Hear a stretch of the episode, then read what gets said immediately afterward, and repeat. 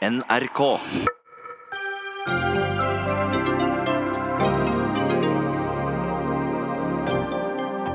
Redningsaksjonen på Mørekysten får skryt i dag.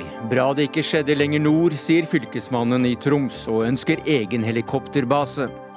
Nytt funn av vikingskip i Vestfold. En historisk dag og en verdensnyhet, mener miljøvernministeren, mens arkeologer tror ikke det er penger til å grave opp verdensnyheten. Lukk ørene for Språkrådets anbefalinger, oppfordrer Patentstyret. Mener Språkråds om f.eks. NSB og Vy var utdaterte allerede på 70-tallet. Og selskapet Choose skal selge klimakvoter til forbrukere. Hjelper bare for å lette kjøpernes samvittighet, ikke klimaet, mener Dagbladet.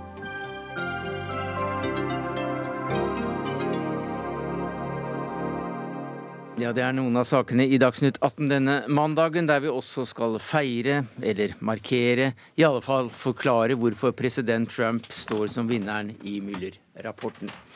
Men vi begynner med redningsaksjonen på Møre, der nærmere 500 passasjerer altså ble evakuert av redningshelikoptre. Og godårene har jo da vært svært mange. Lettelsen var stor da dette gikk såpass bra. Hvordan vil du som ansvarlig statsråd kommentere dette, Ingvild Smine Stybring-Gjedde? Du er samf samfunnssikkerhetsminister, heter det. Ja, det stemmer. Det er en veldig stolt samfunnssikkerhetsminister som sitter her nå.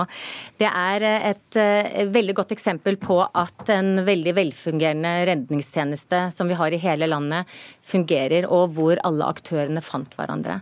Jeg må si bare et lite lite ord om de fantastiske, det fantastiske mannskapet, både sivile og militære redningshelikoptrene, som gjorde en fantastisk innsats i krevende forhold.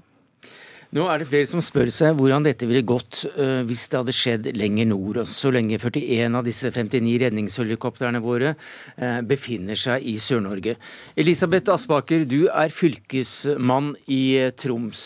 Viking Sky skulle opp til kysten, som du så å si rår over. Hva frykter du kunne skjedd dersom den hadde fått motorproblemer i samme omfang i ditt område?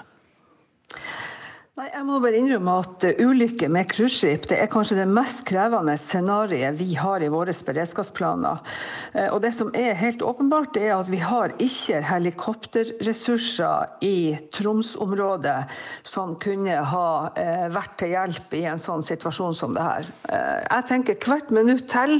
Det er viktig å ha helikopter som kan operere utover hav. Det er viktig med helikopter med rekkevidde, og det er viktig ikke minst med helikopter med redningsheis for å kunne plukke opp folk, sånn som de gjorde her, fra dekket av båten, eller ifra hav, i verste fall hvis det var noen som måtte gå på sjøen.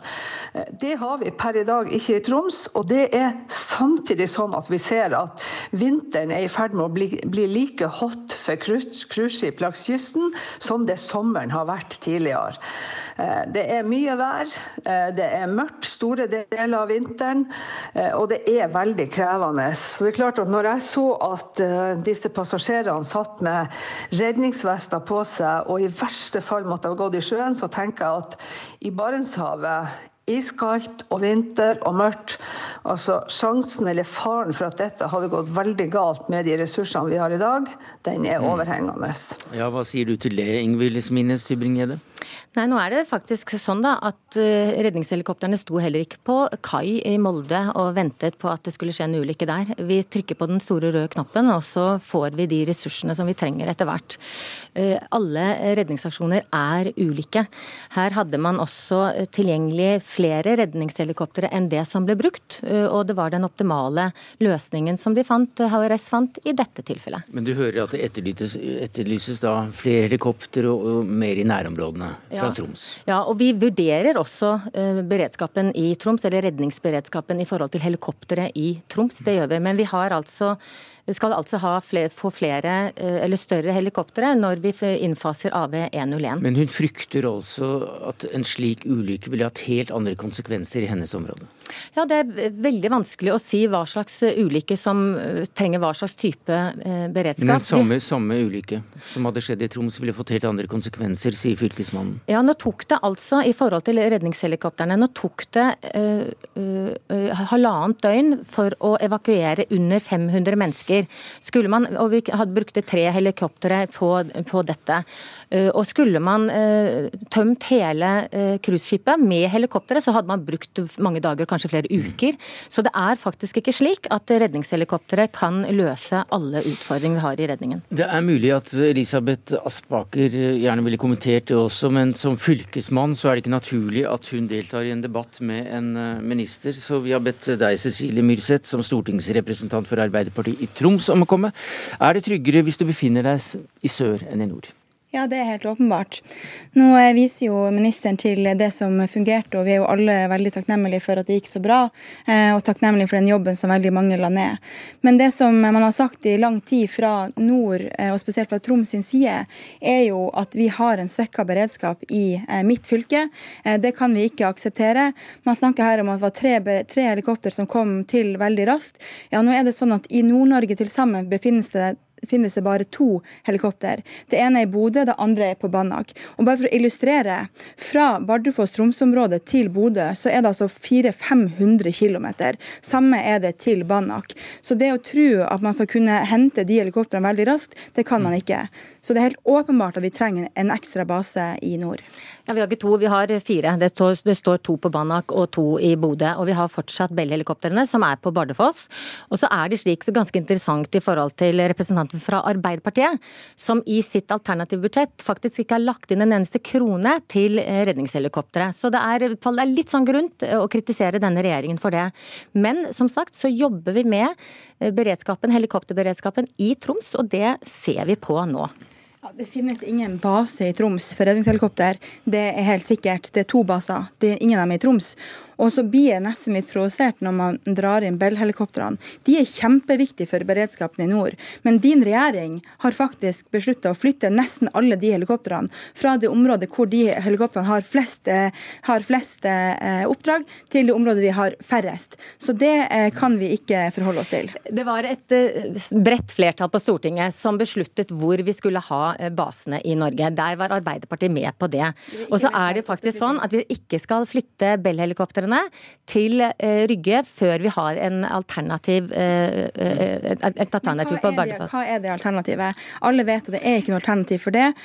Og det er regjeringa som også mot det forliket har bestemt å slutte det. Jo, det er et alternativ for det. Det jobber vi med. Men hva er det alternativet? Vi jobber med Private helikopter er ikke et alternativ. Vi jobber med å finne et alternativ for det. Men det har du ikke sagt lenge. Vi, vi, har ikke hørt om et, hva det alternativet skal være ennå. Vel, jeg har vært statsråd i to måneder. Men regjeringa har sittet lenge. Så det, det, nei, ja det har vi. Men jeg har vært i to måneder, og jeg sitter og jobber med det hver eneste dag.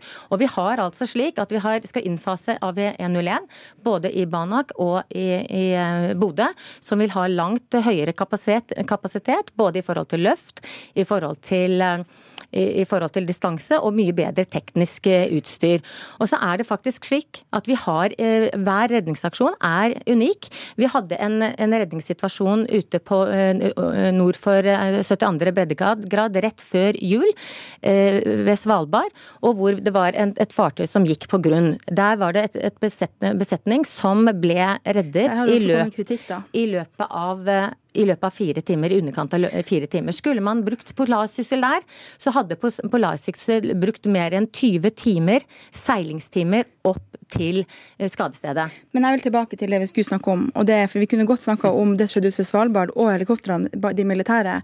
Men i mitt fylke, altså Troms, det er det mest rasutsatte fylket i landet. Det er der det går flest menneskeliv. Det så vi dessverre i, i starten av dette året. Eh, det er også sånn at cruisetrafikken øker. Det er rundt 20 seilinger bare på nordlysturisme eh, i dag. Det er økende aktivitet i fjellet også av lokalbefolkninga. Så mitt spørsmål, som du ikke svarer på, er får vi en redningshelikopterbase i Troms? Nå er politiet også ute i dag og ber om det. Fra forskningshold ber man om det. Fylkesmannen, som har vært tidligere regjering, i samme regjering som du nå sitter i, ber om dette. Og et samla politisk miljø i Troms ber om det. Det har vi gjort lenge. Så svaret vi, vil, vi trenger, er ja. Da er det veldig flott hvis Arbeiderpartiet vi støtter det. Det har vi vært ute og sagt flere ganger. Vi ønsker en base. Ferdig. Det er jo, kjempefint. Ja, men du spurte meg om det i stad. Arbeiderpartiet har allerede sagt at vi ønsker det, men det er dere som må legge legge frem saken. Arbeiderpartiet har ikke lagt inn eh, redningshelikopter i sitt alternative budsjett. Derfor er det veldig snodig at representanten fra nettopp det partiet nå sitter og kritiserer regjeringen. Vi støtta jo et sånt forslag bare for en måned siden. Dere har ikke lagt det inn i deres budsjett. Nei, men det lå et forslag vi har en, kan jeg få svare på det? For det du sier stemmer ikke. Det stemmer at vi ikke har lagt inn i vårt alternative budsjett, men det lå et, et forslag om det på bordet i forbindelse med mm. tiltredelsesdebatten. Det stemte vi for. Dere stemte det ned. Vi har sagt flere, flere ganger at dette ønsker vi å få på plass. Du kan jo selv mm. svare med ønsker dere det, ønsker dere det ikke, i stedet for å vise til et alternativt budsjett. Men jeg tror vi stopper akkurat den der. For eh, er det da slik at beredskapen når det gjelder helikopter, faktisk er blitt dårligere de siste årene? Altså siden 2017, da dere trakk eh, var det to Bell-helikoptre ned fra Bardufoss og, og satte de på Rygge? Nei, vi mener jo ikke det. Vi ser eh, beredskapen i et eh, helhetsperspektiv i hele landet. Og så er det faktisk slik at det er ikke bare redningshelikopter som er en del av beredskapen. Vi har en god beredskap i landet vårt. Og så er det ikke merkelig at de som bor i et sted av landet eller et annet sted av landet, ønsker seg ytterligere helikopterberedskap. Det ser vi også i Ålesund og Molde nå. Her ønsker man også eh, nå en base. Og det er ikke noe merkelig, fordi at man er redd for det som kan skje. Men så er det også da slik at de som er ute, enten de er på havet eller de går i fjellet, så er de ansvarlige for sin egen sikkerhet. Vi, er, vi har lagt opp vår eh, redning og beredskapssammensetning slik at vi skal komme og redde når det mm. er behov. Og vi Men, kan ikke nominere eh, antall helikoptre eller uh, hvor det nå skulle være i, i, landet ut fra Men det vi ber om i Troms, er å få den tilsvarende lik beredskap som man har i resten av landet. Og når man også vet at næringsmessig så er det sånn at, eh, at det flytter nordover. Fiskeriene flytter nordover. Reiselivet flytter nordover. Folk kan bruke fjellene mer. Da er det helt åpenbart at vi trenger samme type beredskap der. Det er et paradoks med all den aktiviteten som flytter Nå må jeg få snakke ferdig. Eh, med all den aktiviteten som flytter nordover, og at man, man skal ta nordområdepolitikken på alvor, hvor Norge har et særskilt ansvar for sikkerheten og beredskapen til havs, men så har man også lavere beredskap i denne delen av landet, som også er mer værutsatt enn resten av landet. Men Det har du fått fram. Men uh, Ingvild Smine Stubring-Gjedde. Mm. Hvordan ser dette ut nå da framover? Når er det beslutninger skal fattes? Og det utredes jo både antall helikoptre og, og nye baser etc. Ja. Hvordan er dette arbeidet? Det er besluttet at vi skal ha nye redningshelikoptre. Vi faser ut eh, de helikoptrene vi har nå med nye helikoptre AV101. Som har en langt eh, større rekkevidde, de kan, kan løfte tyngre og de har en annen teknisk sammensetning, altså eh, tekniske ferdigheter som gjør at de kan fly i mer krevende Eh, klimatiske forhold og i mørket. Men så var det dette med baser. Så de, ja, men base, base ja, Når får vi svar på om den basen kommer? basestrukturen den er, er, vedtatt i Stortinget med et bredt flertall der. Så, så den vurderes ikke nå jo, i denne omgang? Jo, og så ja. sier jeg jo at nå vurderer vi situasjonen i Troms. Det har jeg sagt flere ganger, og det gjør vi. Men den, den ser vi i forbindelse med flyttingen av Bell-helikoptrene til Rygge. Takk skal du ha, Elisabeth Aspaker, Aspaker, fylkesmann i Troms. Til deg, Ingvild Smine Stubring-Gjedde, samfunnssikkerhetsminister. Og til Cecilie Myrseth, stortingsrepresentant for Arbeiderpartiet i Troms. Dagsnytt 18 alle hverdager klokka 18.00 på NRK P2 og NRK2.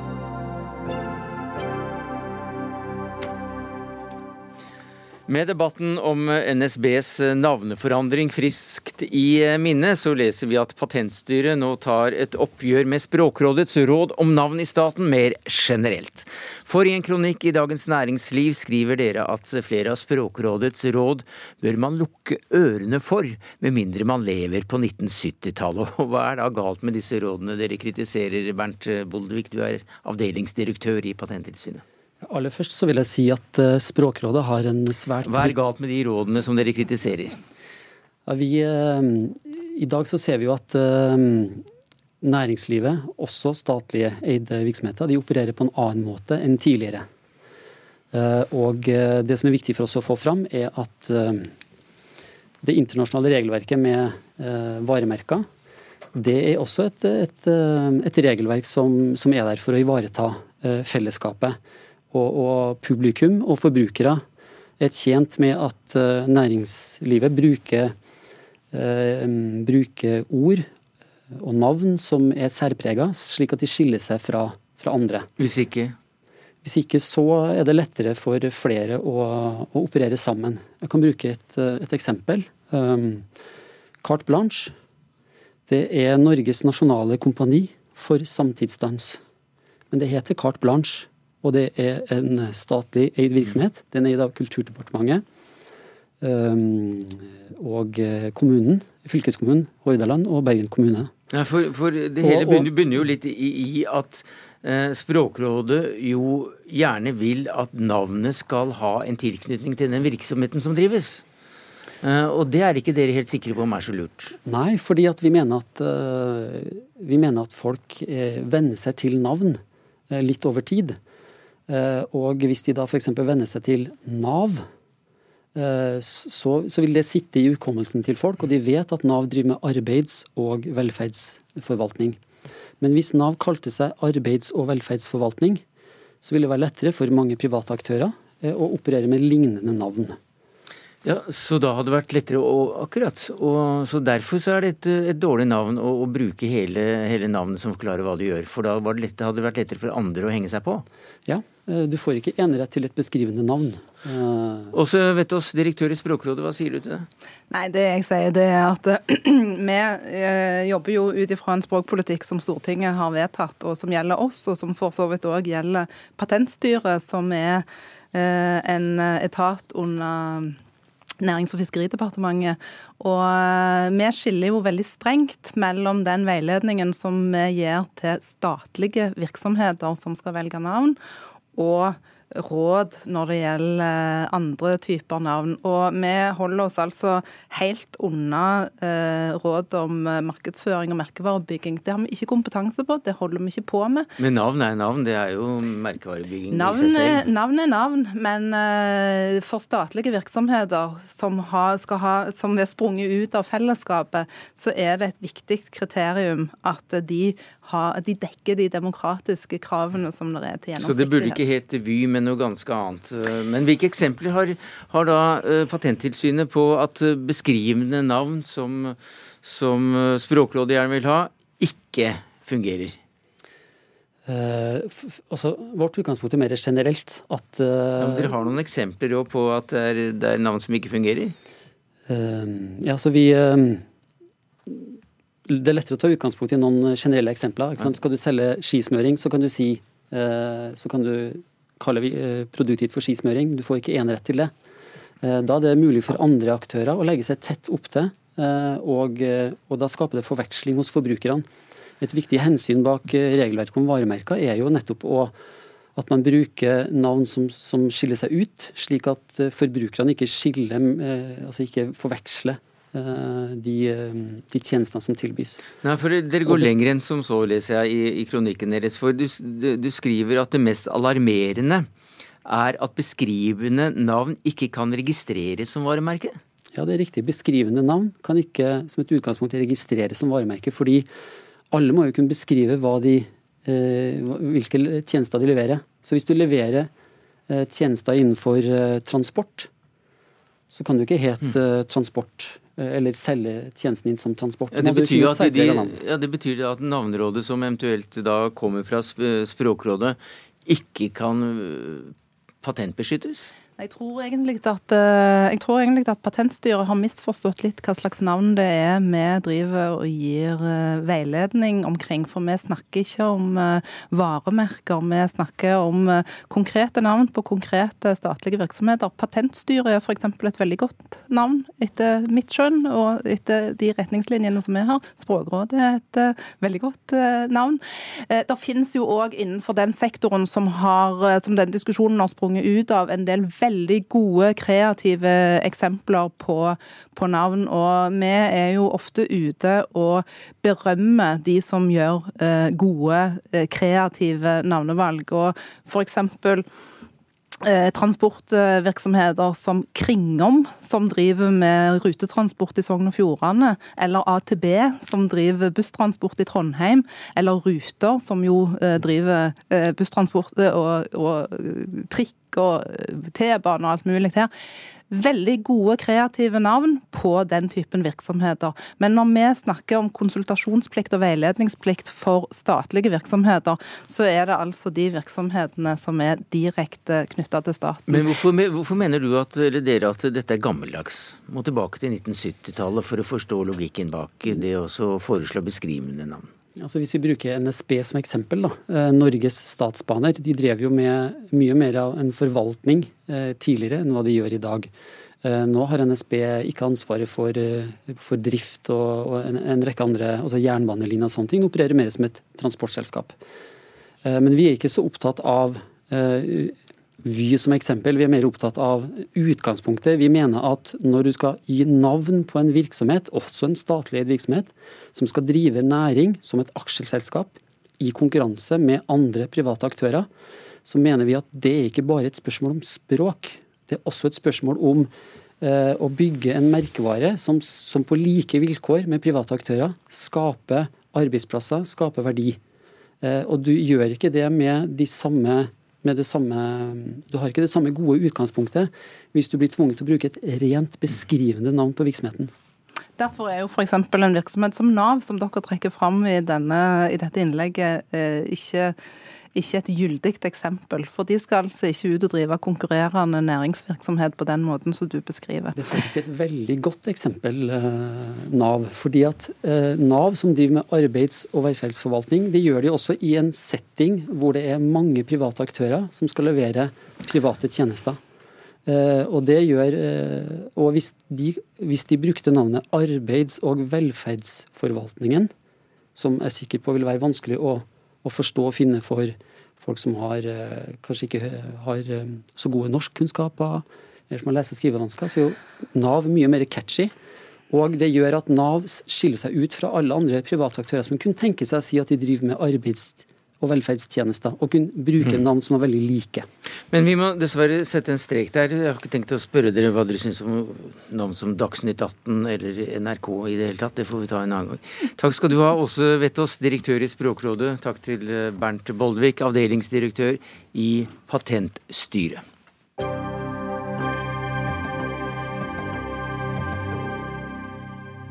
Senere i sendinga så skal vi til USA og få reaksjoner på at Trump regner seg selv som frikjent fra anklagene om at Russland hjalp litt vel godt til i valgkampen. Men nå grundig tilbake til Norge for å gratulere med dagen, Ola Elvestuen. Jo takk, og gratulerer egentlig til alle. Ja, hele verden faktisk. Ja. For som klima- og miljøvernminister så sa du at dette er en historisk dag. Eh, og det sa du da du sto eh, støtt med føttene godt plantet fem meter og ti centimeter, eh, var det vel, over det som da er en verdensnyhet, nemlig at det er en ny antagelig skipsgrav som er funnet i Norge. Den andre på 100 år her i landet. Og den er funnet da i Borreparken i Vestfold. Og hvorfor er dette så stort? Nei, det er jo det er et vikingskip eh, som, vi, som, vi, har eh, funnet. Nå er det jo ett til i Gjellestad i, i eh, Østfold. Men det er klart, eh, fra, den, fra, vikingtiden så er det i Europa så er det sju skip vi har hatt tidligere med disse to, og denne så er vi nå oppe i, i ni. Og det er en helt egen opplevelse å da stå inne i skipet og vite da at de øverste, hvor langt ned den er, er altså de første funnene er 10 cm, eller 5-10 cm eh, under bakken. Så det er klart at dette er en viktig dag for eh, Vestfold. Det er viktig for Norge, men dette handler også om europeisk og verdenshistorie. Knut Påske, arkeolog, forsker ved NIKU, Norsk institutt for kulturminneforskning. Sier du gratulerer med dagen? Ja, absolutt. Dette er jo julekvelden for meg, men heldigvis for de fleste andre også. Hva er det man håper at de kan ha funnet? Nei, Vi håper jo selvfølgelig at bevaringsforholdene er så gode at vi virkelig kan banke i eika en dag da, og si at her ligger det eh, et skip vel bevart. Eh, haugen er jo borte, så det er stor fare for at det har sluppet mye luft i laget. Og sånn sett kan mye av treverket være borte, men det vet vi ikke før noen har vært nede og kikket. Hva eller hvem, og hvem, kan, kan ligge der? Hvem, ja. Det er nok uh, 100-kronerspørsmålet. Det tror jeg ikke vi, vi Dessverre, selv om vi har fått DNA i dag, så vil man aldri kunne bestemme akkurat hvem som har ligget der. Men en Men konge, klart, en høvding Ja, altså, Dette er jo før nasjonalstaten, så kongen, kongen, er kanskje noe litt annet. altså Det er en småkonge eller en lokal høvding. Det er klart, et, Hvis man ser de monumentale haugene du har i Borre, så er det ikke det hvermannsen som ligger i disse haugene her. Det er noen som har vært høy på rangstigen. Hvor stort eh, var skipet? Du sto midt oppe, det er i hvert fall midt over det. Ja, dette her er vel noe over 15 meter. Det er jo litt usikkert det også, for nå bruker vi jo georadar for å finne det, og finner da formen. Men det må jo da være senere undersøkelser som finner ut om det er noe som er borte i hver ende, og akkurat hvor langt dette skipet har vært eh, en gang. Men eh, det er, en, det er bare å anbefale alle å reise til Borge. Ikke ta med spade? Dette, skal, dette, er definitivt automatisk freda, og her er det Riksantikvaren som skal ha kontrollen. Og Riksantikvaren sammen med Kulturhistorisk museum som jo må gjøre vurderingen hva gjør vi nå videre. Ja, og hva gjør vi nå? Det er det store spørsmålene. For uh, har vi råd til og ekspertise til å begynne å utforske det ordentlig? Ekspertise har vi helt klart. Og spør du meg, så bør jo Norge også ha råd. Eh, men når det er sagt, så er det jo lov å ha litt is i magen. Eh, arkeologene ønsker seg nok å gjøre ytterligere geofysiske undersøkelser for å faktisk komme enda nærmere funnet og vite, vite, mye mer før man begynner. Og det, og det, er klart Hvis skipet har ligget der, det har jo ligget der over 1000 år, og da tåler det å vente noen dager på at vi forbereder oss godt. Noen dager, ja, men Dag, dager kan bli år. Noen år. Ja. Vi tåler det også. Nei, for Da, da Gjellestadskipet ble funnet i Østfold i høst, så, og det var det første vikingskipsfunnet på, på 100 år, ikke sant? så sa du til NRK at ta vare på vikingskipene vi har, altså de vi har fått opp, før vi river opp det neste. Ja, men heldigvis har det skjedd noe siden den gang, da. Nå har jo regjeringen faktisk eh, vært med å dytte litt og satt at nå skal jo prosjektet på Bygdøy i gang. Eh, og sånn sett så var jo det ganske, ganske, fornuftig, og jeg håper jeg ga et lite dytt med å si akkurat det, da.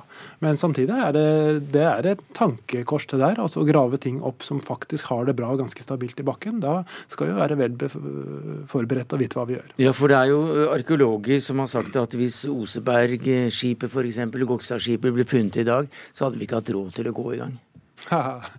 Nei, de kostnadene Men det var kanskje ikke deg? Nei, det var ikke Nei. meg. Ola Elvestuen, det er du som klima- og miljøvernminister som av en eller annen grunn har ansvaret for da gamle ting som ligger under bakken. Mens kulturministeren og din kollega der, hun har ansvaret for det som er over. Mm -hmm. Hvordan vil du finansiere alt dette, slik at vi får vite veldig raskt hva som befinner seg fem meter og ti centimeter under der du sto? Nei, dette er, dette er verdensarv, eh, og det må ja, vi ivareta. Men verden vil ikke spleise på dette? Nei, og det er klart at eh, vi må ivareta dette, men vi skal ta oss den tiden som eh, fagmiljøene ønsker. Dette må være en diskusjon som er hos Riksantikvaren, det må være med, med Kulturhistorisk museum. Men det er klart at dersom de kommer fram til at det er riktig å foreta en utgraving, så er det klart at de verdiene i bakken er uansett større enn det det vil koste å foreta en utgraving. Så jeg mener det må få være noe som vi tar når den tiden kommer. Men det er klart at Norge har råd til å gjennomføre en sånn utgraving hvis det faglig sett vi mener at det er det riktige å gjøre. Smiles det på den andre siden av bordet her? Dette er musikken arkeolog Søre. men det, det, var jo veldig hyggelig da, at vi klarte også ordne sponsingen av utgraving i Vestfold sånn tvers over bordet her. Torgrim Titlestad, du er professor i historie ved Universitetet i Stavanger, og du har skrevet bl.a. kampen om Nordvegen og datidens skandinaviske supervåpen, nemlig disse vikingskipene. Eh, hva tenkte du da du hørte at et nytt skip var funnet i Vestfold? Nei, jeg blir jo litt lykkelig, da. Og har store forventninger. At de snart går ned for å finne de restene som måtte være der, og formidle den kunnskapen det kan gi oss. Hva er det du håper kan, kan skjule seg i, i, det som ikke lenger er en haug, dessverre, men, men i hvert fall et felt? Nei, du vet, Der har jeg ingen forventninger. Der må du spørre arkeologene. Ja, Det har vi allerede gjort. Men du, da kan jeg heller spørre deg. Hva slags betydning har da disse skipene hatt for, for norsk historie, og ikke minst da for vikingtiden? Jo, altså, Vikingskipa er en av de viktige årsakene til at Norge ble Norge. For Hvis du tar utgangspunkt i tida før angrepet på Lindisfarene i 793, selv om det diskuteres funn av vikingskip før den tid, så kan du si det at Norge var et land i utkanten av Europa der rikdommene kom fra jord, håndverk og bønder og fiske. Men da vikingferdene kom i gang, uten at jeg med en gang går inn på årsakene, så hopa det seg opp rikdommer som skapte eh, vilkår for mektige regioner i Norge, og som skapte grunnlag for en politisk bevissthet som munna ut i Harald Hårfagres rikssamling på slutten av 800-tallet. Så vikingtid er en av forutsetningene for at Norge ble Norge. Så disse skipa, det er egentlig på deres kjøl vi i dag hviler. Ja, Hvor enestående var skipene som skip? Eh, for det første, når vi snakker om vikingferdene, altså krigsfartøyer, så var vikingskipet ikke bygd for transport av varer. For det som er særegent for vikingskipet, Langskipet, Skeiden eller Drakeskipet, det var at når de kom over 13 knop, så surfer de på sjøen sånn at de går ufanelig hurtig fram. Og hvis de skal ut av ei havn, så går de veldig fort. De kan, og de har gjort med moderne vikingskip, eller vikingskip laga i vår tid, så har de vært oppe i over 18 knop. Og Da forstår vi godt at dette er et militærfartøy. Det er ikke et fartøy som frakter eh, fisk, last, tømmer osv. Men eh, hvor, hvor, raskt kunne, hvor mange knopp kunne de seile og, og, og bli rodd? Ja, så Jeg forteller deg det at eh, de har testa rekonstruksjoner, replikaer, og fått de over 18 knopp. 18 knopp. Og Da er du vel oppe i over ca. 35 km i timen, hvis du sammenligner det med fart på land. Og eh, Det vil si det at det som er det spesielle med Vikingskipet, i tillegg til denne fartsfaktoren, det er jo det at eh, de, de seiler til de nærmer seg land, så legger de ned seilet. og Da er de nærmest usynlige, og så går de hurtig i land. Og Pga. kjølen bare er en ca. 30 cm, så kan de gå rett inn i sanden. De kan angripe hurtig, og de kan forsvinne hurtig. Og ut på havet, der tar de opp seilene, og så er de vekk. Ingen kan ta dem. Og Det betyr at dette var et eh, helt uvanlig effektivt krigsvåpen i lange tider. Fra de russiske elvene og til um, Irland. Ja. Du, Knut Påske, jeg lurer på, hva er, det, hva er, de største utfordringene når det gjelder å begynne å utforske en slik, en slik vikinggrav? Eh, nei, jeg vet, Det er forberedelsen, egentlig. At du, du, vet hva du går til. Altså, vi, vi kan lære noe av uh, Gabriel Gustavsen. I 1904 ble jo Oseberg funnet. Høsten 1904. Han begynte ikke å grave. Han ventet hele den vinteren og reiste rundt hele Europa og så på hvordan tar man vare på arkeologisk tre, så gammelt treverk. Så brukte han den kunnskapen og tok med seg og fikk planlagt dette på en skikkelig måte, sånn at man faktisk kunne ta det opp. da. Men eh, det som antagelig, eller det er stor sannsynlighet både på Gjellestad og her på Borre, er at det er ikke så mye treverk bevart. Og det handler om å, å fange formen på skipet. Altså Vi har jo bare tre vel bevarte skip ute på bygda, og det er tre av kanskje tusen som en gang seilte på våre kyster. Og da trenger vi flere for å fortelle og bekrefte den historien Titlestad her kommer med. Og Hvis vi kan få linjene og tegnet ut ett til, altså få formen og vise hvordan det faktisk var bygd, er de helt lik de tre første, eller får vi skip av en annen type? Så Det er så mye kunnskap vi skal fange, og det er det som er utfordringen. Dokumentere og grave det på en måte sånn at vi bevarer kunnskapen. Så vikingtiden er også viktig for, for regjeringen og for Norge? Du, dette, er, eh, dette, er, en arv som vi har en eh, plikt i å ivareta på en ordentlig måte. og Det er et ansvar vi har Eh, som verdensarv. Og så er det selvfølgelig viktig for Norge eh, som land, og også lokalt så er det en stor stolthet over det som nå er eh, funnet. Og finansieringen er også helt i orden, så alt bør gå bra. Ola Elvestuen, takk skal du ha, klima- og miljøvernminister for Venstre. Knut Påske, arkeolog og forsker ved NIKU. Og til deg i Stavanger, Torgrim Titlestad, professor i historie ved Universitetet i Stavanger.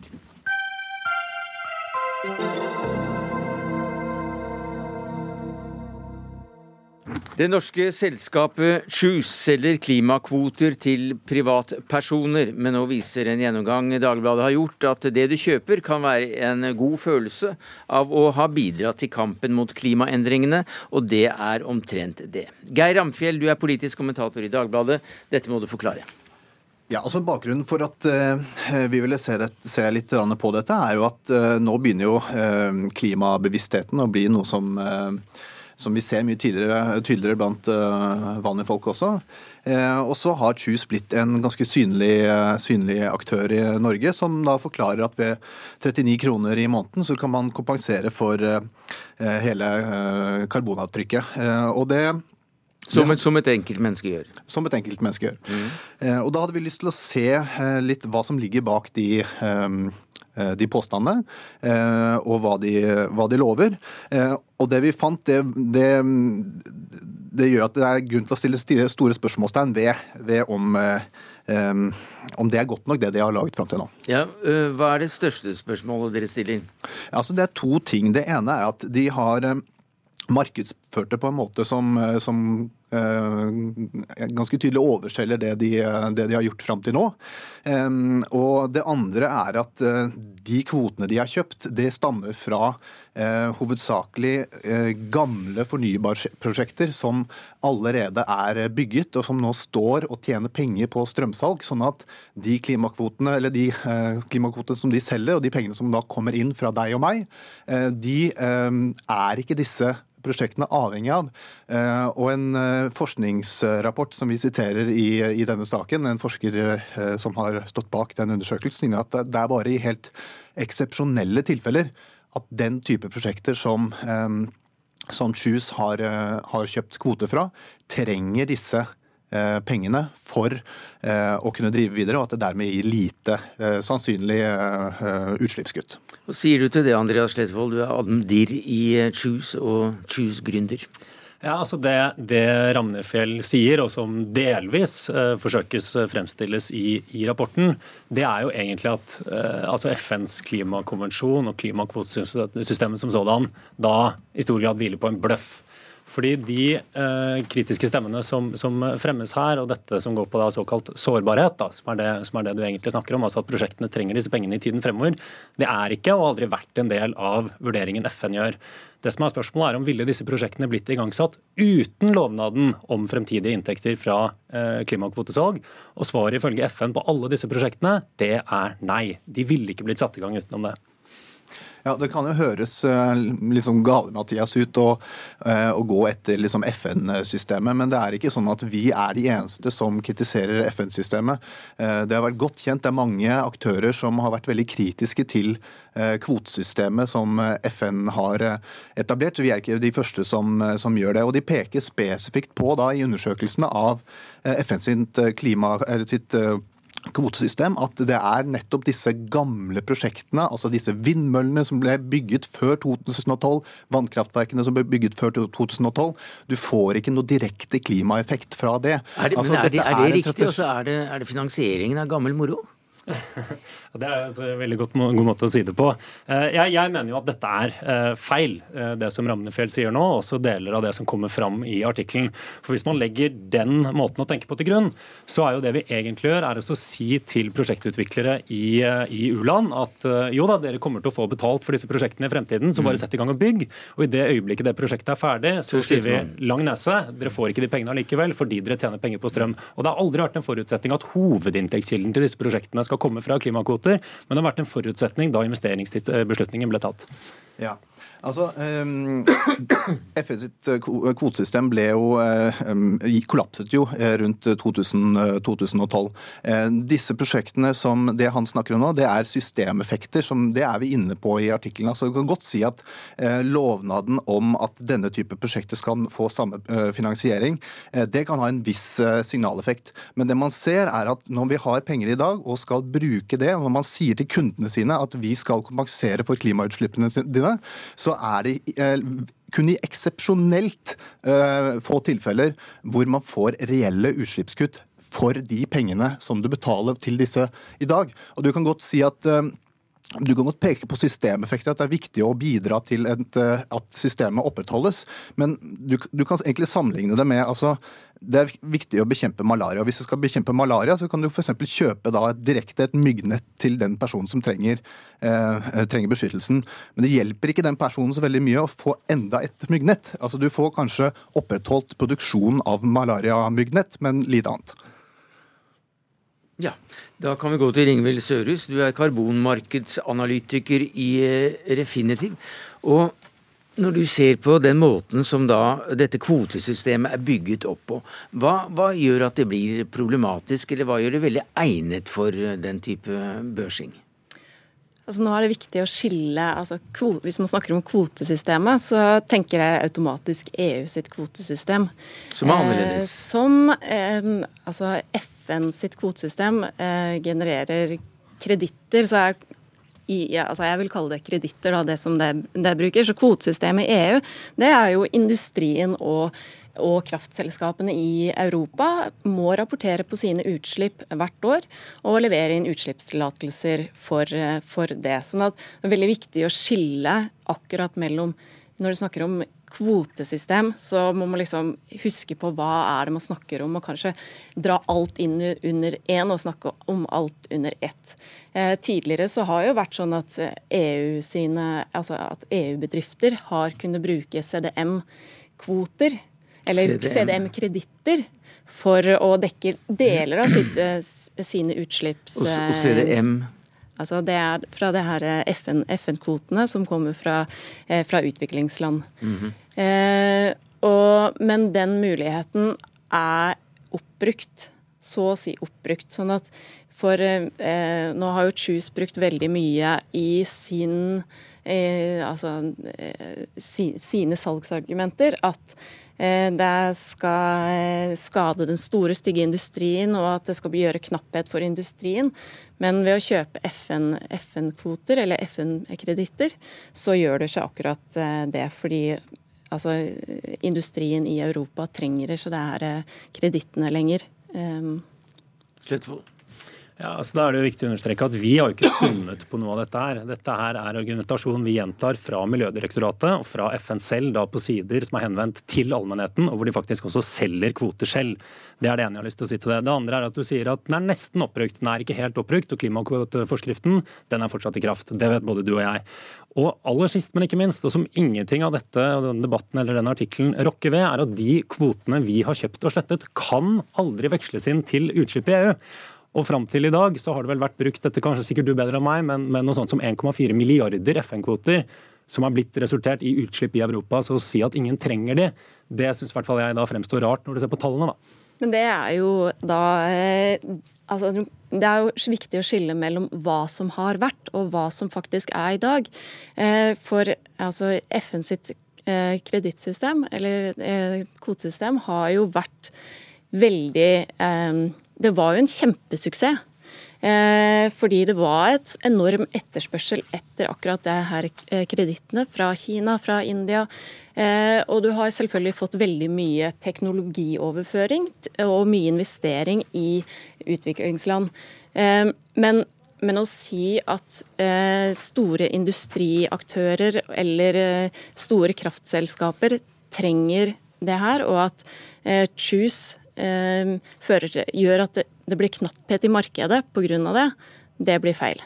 Uh, Truls får nesten få siste ordet her. Det var litt uh, to mot én i den saken. Men hvordan vil dere ta denne kritikken med inn i det arbeidet dere gjør nå framover? Ja, det er to helt åpenbare ting. Det ene som er viktig for oss å si, er at dette er jo ikke istedenfor alt du kan gjøre selv. Dette er i tillegg til. Jeg syns altfor mye av klimadebatten handler om enten-eller. Vi er veldig opptatt av både og. Så du må fremdeles brette kartonger? Ja, det syns jeg er helt strålende, hvis folk fortsetter å gjøre det. Og, og, og, helt sist, men ikke minst, så, så, kan vi diskutere til vi blir grønne i ansiktet om hvilke typer kvoter som er riktig. Dette er små nyanseforskjeller det er snakk om. Og jeg mener helhjertet det har vært big business å ødelegge denne planeten siden den industrielle revolusjon, og jeg tror at vi må gjøre det til akkurat like big business å rydde opp hvis vi skal ha noe som helst sjanse. Takk skal du ha, Andreas Slettvold, administrerende direktør i Choose, til Ingvild Sørhus, karbonmarkedsanalytiker i Refinitiv, og Geir Ramnefjell, politisk redaktør i Dagbladet. Hør Dagsnytt 18 når du vil. Radio NRK Radio.nrk.no.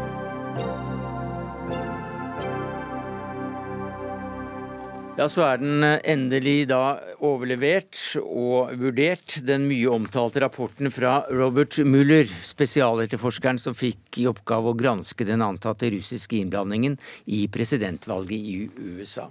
Og Spørsmålet er da, som alle har lurt på, var president Trump involvert? Rapporten går langt i å fastslå at det ikke var noen sammenblanding mellom presidenten og, og Russland. Det sier du, Sofie Høgestøl, universitetslektor ved Det juridiske fakultetet på Universitetet i Oslo. Hvordan kan du si det? Altså, Vi vet jo ikke så mye akkurat nå. Det vi har fått er disse fire sidene her. Det er ganske sånn Fire korte sider med en veldig kortfattet oppsummering som er skrevet av justisministeren.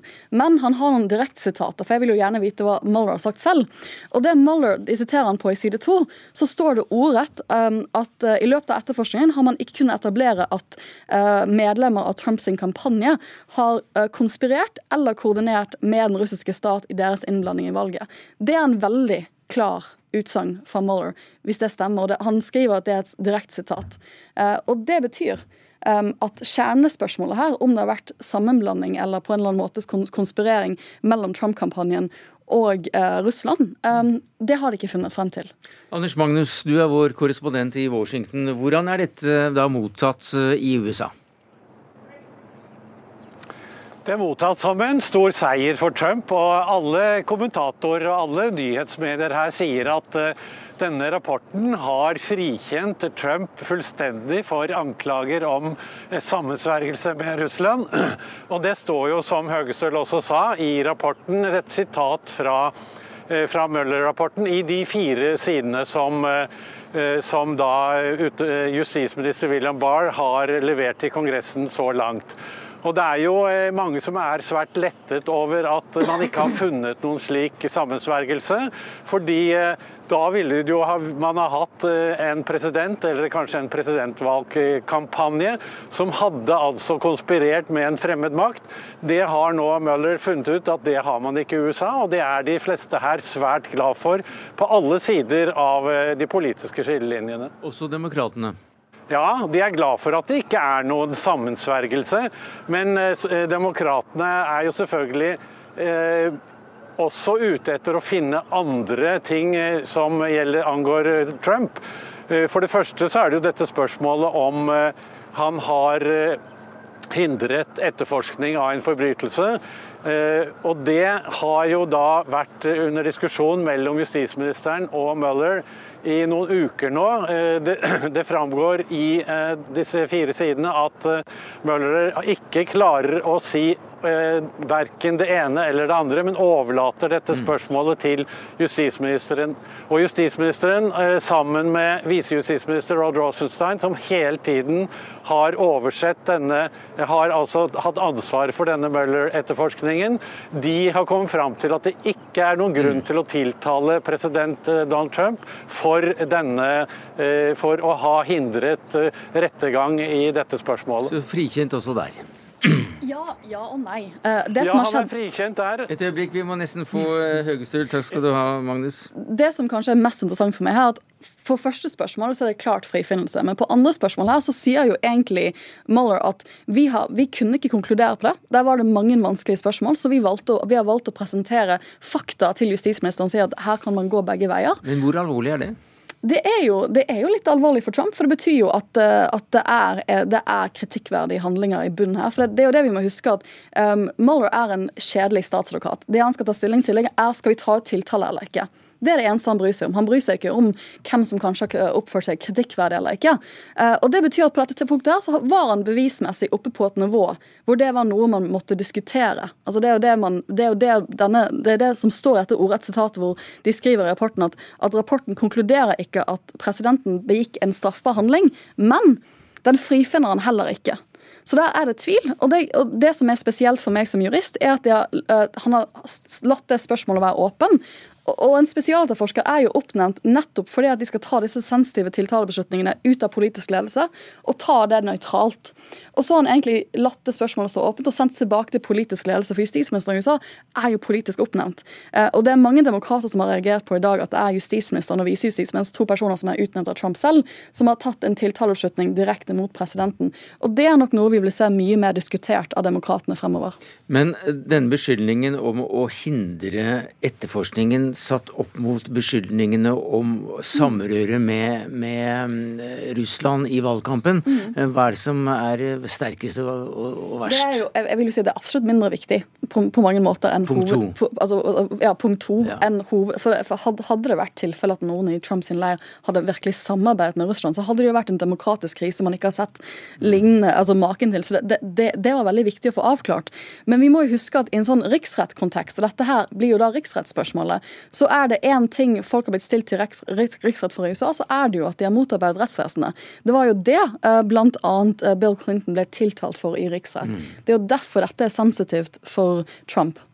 Anders Magnus, det er nok eh, en del skuffede kommentatorer og og journalister rundt omkring eh, i Norge og resten av verden. For man hadde vel egentlig fått ferten av noe ganske mye større? Ja, og det er, eh, det er, nok veldig veldig mange også her i USA eh, på eh, den demokratiske siden som er skuffet nå. Og det er jo veldig mange demokrater som må spise i seg de ordene de har sagt om at de er sikre på at Trump har sammensverget seg med russerne. Det er svært mange politikere som har sagt det, og det har blitt sagt svært ofte også på eh, TV-kanaler som f.eks. CNN og i også en del aviser. Så det er en eh, veldig krise for både demokratene og også en del av pressen, det som har skjedd nå. Og Når det gjelder dette spørsmålet om eh, han kommer til å bli tiltalt for, om Trump kommer til å bli tiltalt for å ha hindret etterforskning, så sier også demokratene at det, de godtar for så vidt den eh, avgjørelsen som justisministeren har tatt, siden Møller ikke klarte å gjøre det. Men det er mye kritikk mot Møller, nettopp fordi at han burde eh, tatt eh, en avgjørelse på dette. Det var det han skulle gjøre, men så overlater han det altså til politiske myndigheter i stedet for, og det er det mange som er kritiske til. Men det er helt klart at dette er en blåmandag for demokratene, som nå strever med å finne fotfeste hvordan de skal gå videre i valgkampen nå. Ja, jeg tenker det, det, som er vanskelig for demokratene nå, at de møter jo seg selv veldig i døren hvis de begynner å grave veldig på dette sporet her. at hva er den underliggende materie? For det, det de kritiserte uh, Comey for, altså den tidligere FBI-direktøren, når han gikk ut rett før valget i 2016 og sa, uh, og sa at uh, Hillary Clinton ikke vil bli tiltalt, men kom med masse sterk kritikk mot hennes oppførsel i den e-postsaken, det, det var ikke i samsvar med det en, en nøytral statsadvokat skal gjøre. Så hvis de nå begynner å grave i For det, de vil jo ikke bare ha Mueller-rapporten, de vil også ha de underliggende bevisende materie, som de kan vurdere det selv. Eh, for det de tilsynelatende er ute etter å se på etter om folk har oppført seg kritikkverdig, altså ikke straffbart, men kritikkverdig. Eh, og da møter det seg veldig i døren vis-à-vis at det har de jo kritisert um, James Comey for å gjøre med Hillary Clinton. Samtidig så må det jo også sies at Trump er jo den personen som har stått på egne, egne valgkampevents og sagt 'locked her up', selv om hun da ikke eh, ble tiltalt av Så alle, alle her alle her har nok eh, en del, må nok gå litt i seg selv med tanke på hvordan de skal oppføre seg fremover. Ja, og Trump uh, mener jo også at det er muligheter her for oss å, å etterforske etterforskerne? Ja, det er nok eh, altså han, han, har jo tatt dette veldig personlig, hele etterforskningen. Jeg tror han føler at dette delegitimerer måten han valgt, vant valget for. Det har vært veldig sårt eh, for han. Eh, så han har jo eh, sammen med sine rådgivere snakket om om man burde eh, etterforske hvordan en sånn ulovlig etterforskning, som han kaller det, kunne igangsettes. Og det er jo litt spesielt, for jeg har ikke hørt så mange i en straffesak som sier at de har lyst til å etterforske etterforskere som har konkludert at de ikke har gjort noe straffbart. Takk skal du ha, Sofie Høgestøl, universitetslektor ved Universitetet i Oslo, og til deg fra Washington, vår USA-korrespondent Anders Magnus.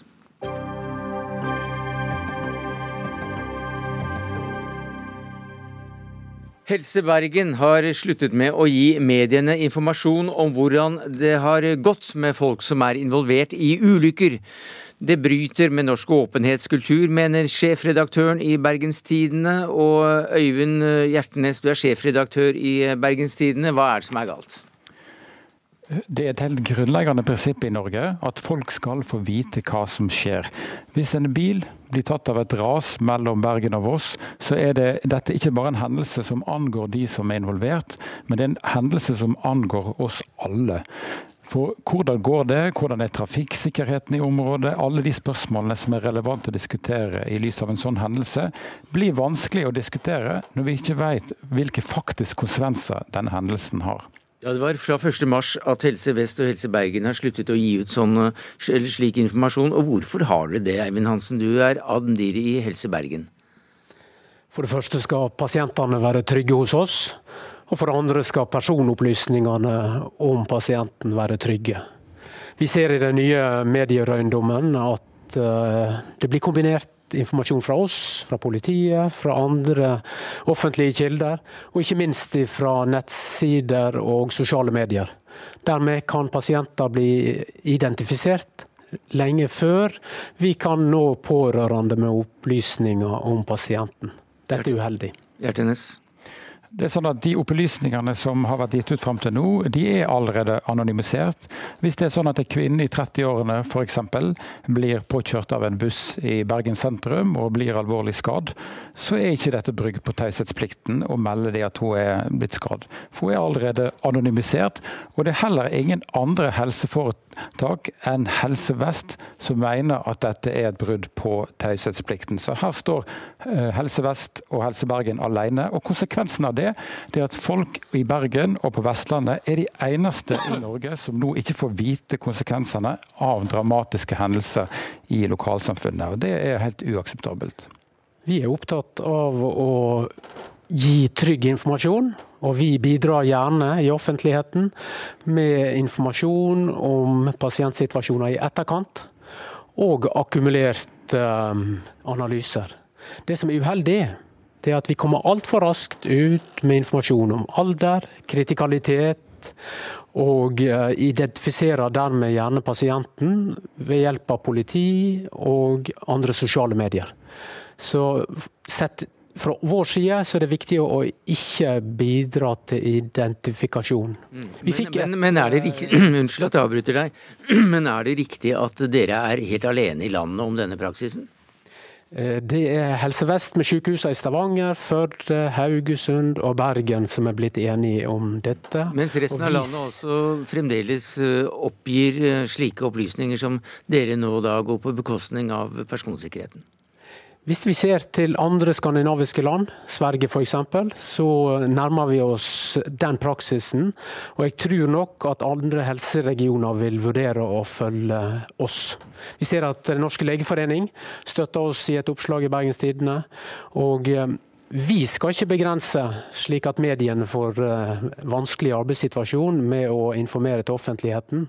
Men vi skal sikre at personidentifiserbar informasjon ikke blir omdelt. Hjertnes? Uh, igjen, det er sånn at De opplysningene som har vært gitt ut tidligere, er allerede anonymisert. Og Jeg kan ikke skjønne egentlig at Helse Vest kan stå inne for en sånn helt egen praksis. og Jeg kan heller ikke skjønne at Stortinget og helseministeren syns det er greit at en slik forskjellsbehandling eh, skjer på Vestlandet. Vi skal trekke en parallell til andre samfunnsinstitusjoner. Skulle f.eks. Bergen kommune slutte å informere om byggesaker akkurat i Bergen, eh, mens alle andre kommuner gjør det? Skulle man slutte å informere om eh, dommer fra Bergen tingrett, mens alle andre dommer i Norge skulle være åpne? Kan du se for deg det? Jeg kan ikke det det, og det illustrerer bare litt hvor eh, meningsløs denne forskjellsbehandlingen her er. Og Du kan ta noe i dag. Uh, Viking Sky-hendelsen oppe på Hustadvika. Der ligger det ei kvinne nå alvorlig skadd på sykehuset i Kristiansund. og Det vet vi fordi hun kom i land i Møre og Romsdal. Sannsynligvis ligger det uh, en mann skadd på, uh, på Haukeland. Om denne personen er alvorlig skadd eller det går fint, det vet vi ikke. Fordi denne personen ble flydd til Bergen. Og Når vi da skal diskutere f.eks. Viking Sky, burde skipet gått? Hvordan er sikkerheten langs kysten? Redningsaksjoner? Osv., så, så er veldig relevant å vite hvordan utfallet av denne hendelsen blir. Om ingen blir skadd og alt går fint, eller om det er mange mennesker som blir alvorlig skadd. Det har en offentlig interesse i den sammenhengen her. Mediene er informert om at pasienten ligger på Haukeland sykehus, og det er en betydelig informasjon i saka. Jeg har lyst til å vise til et annet eksempel. En mor som har gitt oss tilbakemelding om at hun er glad for den endringa vi nå gjør, fordi hun har erfart at eh, mediene hadde informasjon om hennes syke, kritisk syke sønn før de pårørende hadde den. Og Da får vi lett journalister som går tett på, finner de pårørende, og pårørende i krise blir utfordra av mediene i en situasjon der de er opptatt av helt andre og viktige ting. Så det er vårt motiv. Og så er jeg sikker på Ulf Hjertnes, at vi skal få en dialog om hvordan vi kan finne en praksis som ivaretar offentligheten og mediene sine perspektiv, og ivaretar teieplikta og personvernet, slik vi er opptatt av. Nå må vi nesten ivareta vår plikt, nemlig å avslutte Dagsnytt 18 for i dag. Takk skal du ha, Øyulf Hjertnes, sjefredaktør i Bergens Tidende, og Øyvind Hansen, administrerende direktør i Helse Bergen. For det var det vi rakk, takket være ansvarlig for det hele, Dag Dørum. Det tekniske ansvaret hadde Eli Kyrkjebø. Jeg heter Sverre Tom Radøy. Vi høres igjen i morgen med Espen Aas i studio.